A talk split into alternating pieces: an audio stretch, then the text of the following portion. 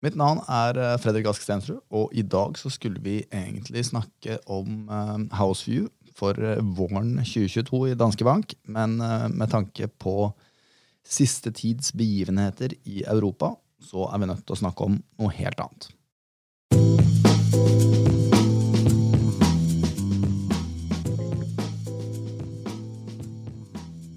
Og jeg har selvfølgelig med meg vår sjefstrateg Anders Johansen. Velkommen, Anders. Tusen takk. Det er ikke så veldig hyggelig, det som vi blir uh, tvunget til å snakke om her i dag. Da, men, og folk blir jo bombardert uh, i media med det her fra øst og vest, men det, det er jo sånn som, uh, som, sånn som, det bør være når det er noe så kritisk som skjer også. vi skal snakke om krig. og hvordan vil du oppsummere situasjonen slik som den er nå, Anders? Ja. Uh, nei, det er som du sier, det er jo trist. Uh, jeg hadde uh, lenge en litt tro på at det var Primærmålet til Putin var at han skulle passe på at Nato ikke kom inn i Ukraina. og da, um, da, kunne man jo forstå en del av det, men det å gå til, til krig, det, det har jo store kostnader for Ukraina, selvfølgelig. For Russland, men også litt for resten av verden. Og det kan ikke helt forstås ut fra det rasjonelle betraktninger, men, men uh, stormannsgalskap er jo dessverre det som, uh, som slår en. Uh, og så får det relativt små økonomiske konsekvenser for verdensøkonomien. men det vi må følge med på, det er jo det som går på, på sanksjonene fra Vesten.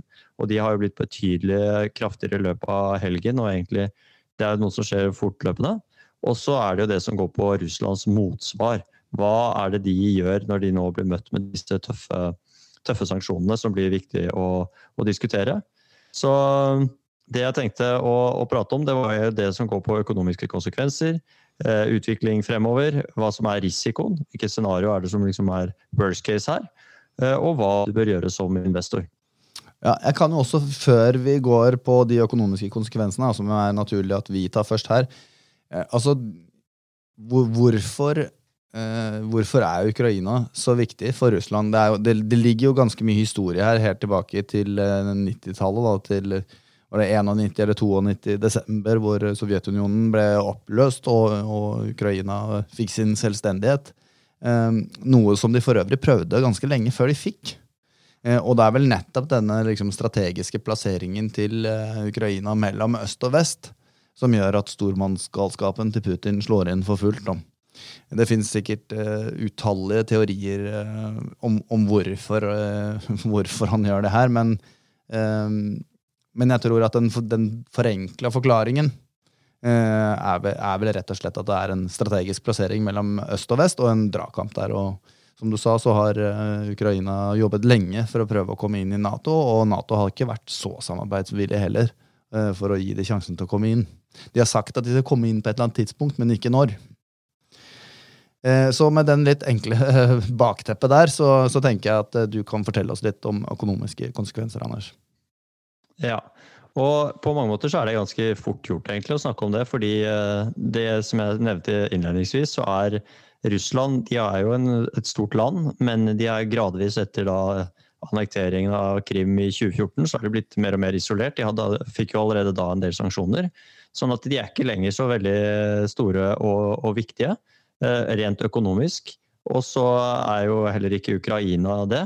Sånn at på, på det området så er ikke de, de økonomiske så, så, viktige. Og vi gjør heller ikke spesielt store endringer i våre verken utsikter for vekst eller det vi tror om rentebaner og den type ting for sentralbankene i både USA og Europa. Sånn i utgangspunktet, basert på det vi har visst så langt. Men så må det sies at her endrer jo ting seg fort. Eh, og eh, det er jo kommet betraktelig tøffere sanksjoner i løpet av helgen, som sagt. Og eh, spesielt basert på da hva Putin måtte mene å gjøre med det, så blir det jo spennende å se hvordan, hvordan det eller om det blir større konsekvenser på det rent økonomiske. Da. Men, men som sagt, i utgangspunktet ikke så store konsekvenser. Men, men, hva med gass? Altså Europa er jo ganske avhengig av eh, gass fra Russland. Og det transporteres jo gjennom Ukraina. Ja, det er, det er, helt riktig det. Altså, Russland er jo verdens tredje største produsent av olje. 10 millioner, eller drøye 10 millioner fat om dagen. Og nest største produsent av gass. Og som du sier, de er den største eksportøren til Europa med rundt 40% av, av gassen til Europa. Og eh, det er en utrolig viktig eh, energikilde for Europa, og faktisk enda viktigere for et land som Tyskland, som er den største. Så det er der vi tror at det får konsekvenser, ikke gjennom handel og de type ting, men gjennom at eh, det nå blir høyere energipriser. I første omgang som følge av at det, at det kommer et påslag på, på olje- og gasspriser fordi, fordi, det er en risiko for at det kan bli stopp. Men det kan jo være at det er en av de svarene som, som, Putin har på disse sanksjonene. At han nå skrur igjen kranen enda mer, mm. Eh, og da får man et problem. Og spesielt for Tyskland, da, som er så avhengig av, eh, av russisk, russisk, gass. Og så har de relativt lite LNG, altså flytende naturgasskapasitet, så de kan ta inn det. Og så har de jo stengt ned disse kjernekraftverkene, i hvert fall i stor grad, etter denne Fukushima-ulykken i Japan i 2011. Så de, de, er i en ganske sånn vanskelig situasjon, og det er jo derfor vi også nå har brukt litt tid på å komme i gang med sanksjoner. fordi eh, Tyskland har vært der at vi, vi må vente. Og så vil de jo bruke flere år på å, å, få på plass noen alternativer til Russland, så det er ikke, er ikke fort gjort. Nei, jeg skjønner. Ok, Men uh, hva tror du utviklingen fremover nå blir, da? Nei, Jeg tror vi kan dele det inn i, inn i, et par ting. Det ene går på det. Eh, vi har jo allerede høy inflasjon, og dette vil jo bare bygge opp under den høye inflasjonen. Så eh, høyere inflasjon eh, er, er, en stor fare her. Og det, de vestlige sentralbankene står jo allerede litt i en eh, spagat. De er litt på hæla ønsker å sette opp rentene, men økonomien er jo ikke sånn superbra. De er relativt bra, men de har sett litt problemer med korona og den type ting. Og de ønsker ikke å sette opp renten for fort. Eh, og så er det klart at Høye energipriser er jo en demper på veksten eh, generelt. Sånn helt uavhengig av noe annet. Og da, og, og da måtte bli tvunget til å sette opp rentene ytterligere. Det er, eh, det er noe de ikke ønsker. Sånn at det, det er et trumfkort som egentlig Putin har. Og det er nok også, tror jeg, derfor han tør å gå til denne krigen. Nettopp det at han nå har en veldig en god situasjon hvor, hvor vi er så avhengige av, eh, av, deres gass, og eh, prisene allerede er høye. Så nummer én, eh, konsekvens nummer én det er høyere inflasjon, i hvert fall risiko for det. Det andre er det som jeg snakket om tidligere, dette som går på sanksjoner. Og I løpet av helgen har jeg sagt flere ganger, det har kommet noen nye sanksjoner. og Det går både på sentralbanken i Russland, at deres, De har jo da de siste årene bygget opp eh, relativt store sentralbankreserver for å kunne støtte rubelen. Eh, og de har også bygget ned statsgjelden, så de er sånn sett relativt eh, solide, da, hvis man skal kalle det det, og uavhengige. Men det som, som vi nå har gjort da, fra Vestens side, er jo det at man har så langt man kan da, frosset de sentralbankreservene i euro og dollar. Dvs. Si at den russiske sentralbanken har vanskelig for å og støttekjøpe, altså selge dollar eh, f.eks., og støttekjøpe rubel. Så vi har sett at rubelen har jo falt 30 eh, om det ikke er mer, eh, mer, nå. I tillegg til at det nå blir spennende å se altså de russiske banker som er notert i andre markeder. Russlands aksjemarked er jo stengt i dag, men, men russiske banker notert i England er jo ned 70% så vidt jeg har skjønt. Så her er det Dette får store konsekvenser. Og eh, også vil jeg nok tro at veldig mange som bor i Russland, er, eh, er, der at de nå ønsker å ta pengene sine ut av banken. Og det er jo spesielt krevende i en sånn situasjon. Det er krevende uansett, men spesielt nå, når sentralbanken også er satt litt ut av spill. Eh, og, og, som et uh, ytterligere poeng, så har da sentralbanken i dag satt renten opp fra 9,5 til, hold deg fast, 20 Så altså 10 prosentpoeng. Vi må huske da at det vanlige er å sette opp med 0,25 om gangen. Det er det Norges Bank har gjort i to runder uh, i fjor. De setter den altså da opp med, med 10% drøyte på en gang. Og det er for å prøve å stoppe noe av denne flukten av eh, penger ut av, eh, av Russland. Ja. Så, så, det er konsekvensen av det. I tillegg så har man jo da igangsatt, eller begynt å, skulle sperre en del russiske banker fra Swift som er dette internasjonale betalingssystemet som gjør at man kan betale penger på, på tvers av land. Eh, riktignok er det fortsatt unntak for olje og gass, men, eh, men andre ting. Eh, ikke helt tydelig hvilke banker det gjelder ennå, men, men, dette vil jo påvirke de bankene. Og også for så vidt eh, andre vestlige banker som har lån til Russland. Derfor så ser vi en del tyske banker spesielt faller mye i dag, som har hatt en lukrativ business inn der. Um, og så ser vi at uh, myndighetene også strammer til rundt både Putin og den kretsen rundt han når det gjelder tiltak som rammer dem spesielt. Da. Hva går på deres mulighet for å reise, for deres mulighet for tilgang på, på uh, eiendeler utenfor Russland uh, og den type ting. Da. og så har vi sett at vi også i Europa stenger luftrommene for russiske fly. Og at sett at flere selskaper Eh, sier at de skal eh, kvitte seg med deres investeringer i, i Russland. F.eks. BP gjorde jo det i helgen, selv om jeg er litt usikker på hvordan de skal gjøre det i praksis. Så, og, og, hele tiden så kommer det nye sanksjoner. Så det er, liksom, det er nok her hvor det virkelig blir, eh, blir, trykk fremover. Og som sagt, spørsmålet er jo hva, hva gjør Putin da? Ja, nei, Vi er jo kapitalforvaltere, Anders, så her føler jeg at vi er nødt til å snakke litt om risikobildet. Hva kan du si om det? Ja, og mm, som, som, du sier, her er det mange ting. Eh, og det er veldig mye av dette er jo helt nytt. Så vi, vi vet jo ikke helt hva, hva som kan, eh, kan, skje. Men det er klart at eh, det som jo Putin hele tiden rasler med, det er jo det mest ekstreme, og atomvåpen. Og det har jo vært snakk om at han ønsker å sette ut atomvåpen i Hviterussland. Så, så det ligger der. Vi må bare krysse fingrene for at han ikke er gæren nok til å begynne den delen av, av krigen. Men, men, det ligger der. Eh, jeg tror nok det som er eh, mest nærliggende, det er jo at han svarer på disse sanksjonene med å kutte ned på eksporten av olje og kanskje spesielt gass, som vil få umiddelbare konsekvenser for, for da Europa og spesielt Tyskland. Og I verste fall så kan det jo bli sånn at de kan få problemer med å å holde, altså ha så mye energi som de trenger. Så de delvis må begynne å rasjonere det. da, Kanskje må stenge ned produksjonen på en del eh, ting. og sånn. Så det vil jo være klart at det vil være en, en veldig alvorlig konsekvens.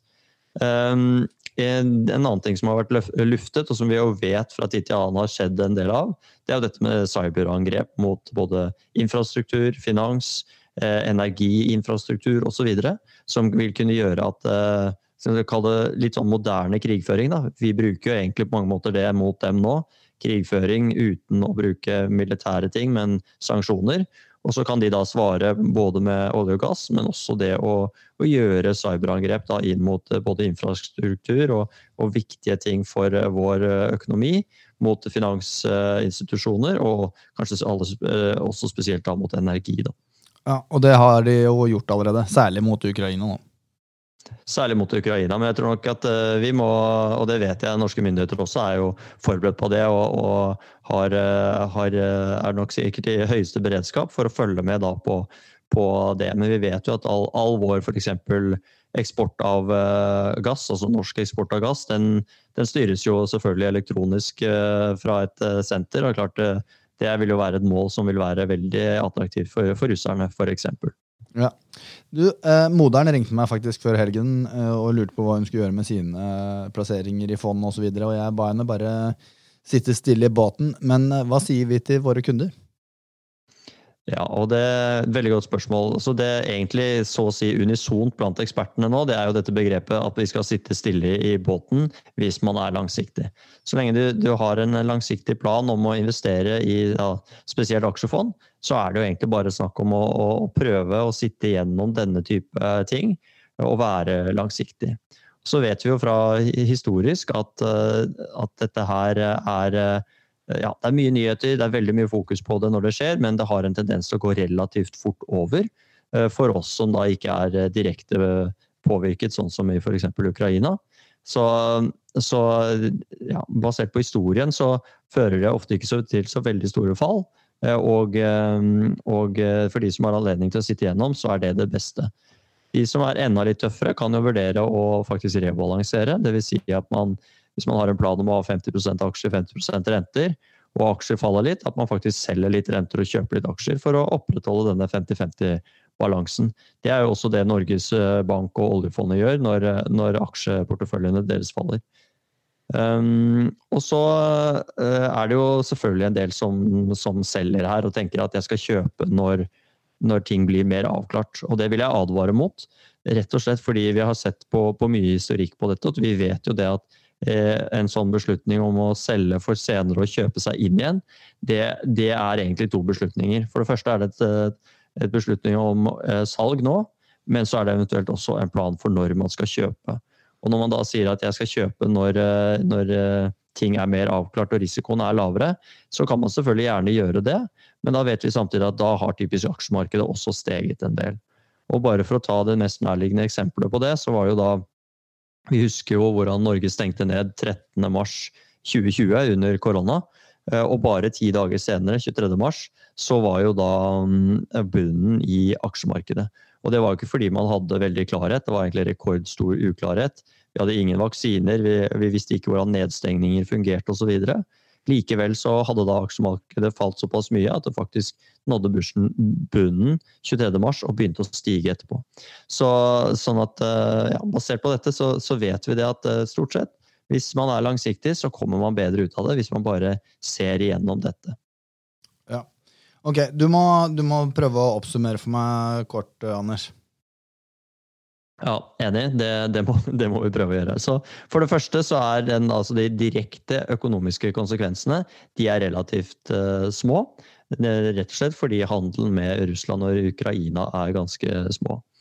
Så ser vi på den mest sannsynlige risikoen. Den er jo da for høyere inflasjon, og i verste fall da høy inflasjon og lav vekst, altså det man kaller stagflasjon. Og det er nok noe som kommer til å diskuteres mer fremover så er det vi må følge med på, det er jo både utvikling i sanksjoner, og ikke minst hva gjør Russland med den? Vil de, eh, vil de reagere eh, hardt og senke produksjonen av olje og gass, så vil det kunne få store konsekvenser. Eh, så er det det at man langsiktige investorer bør holde seg stille og bare holde seg til den langsiktige planen, ikke gjøre noen endringer nå når usikkerheten er så stor. Og for de som er enda litt tøffere, så er det fornuftig å vurdere å rebalansere når porteføljen faller, og kjøpe litt mer aksjer, sånn at man er tilbake, tilbake på, på, den strategiske vekten, om det er 50-50 eller 60-40 eller hva det måtte være. Ja, Det var en fin oppsummering, Anders. Det er jo ikke et hyggelig tema, og vi kommer nok til å måtte gjenbesøke det i senere produksjoner herfra også. Eh, hvis dere har noen ønsker om ting som dere vil at vi skal se mer nøye på, og eventuelt lage en episode om, så kan dere finne Anders på Twitter eh, under handlet at makrojohansen. Og dere finner også meg på at askstensrud. Eh, så der kan dere bare sende oss en eh, melding hvis dere har noen tilbakemeldinger eller ønsker om ting vi skal snakke om. som sagt. Har du noe mer du ønsker å plugge, Anders? Nei, jeg har ikke det i dag. Eller jo, faktisk, jeg har det. Vi har også lagt ut på danskebank.no, så kan dere gå inn direkte der.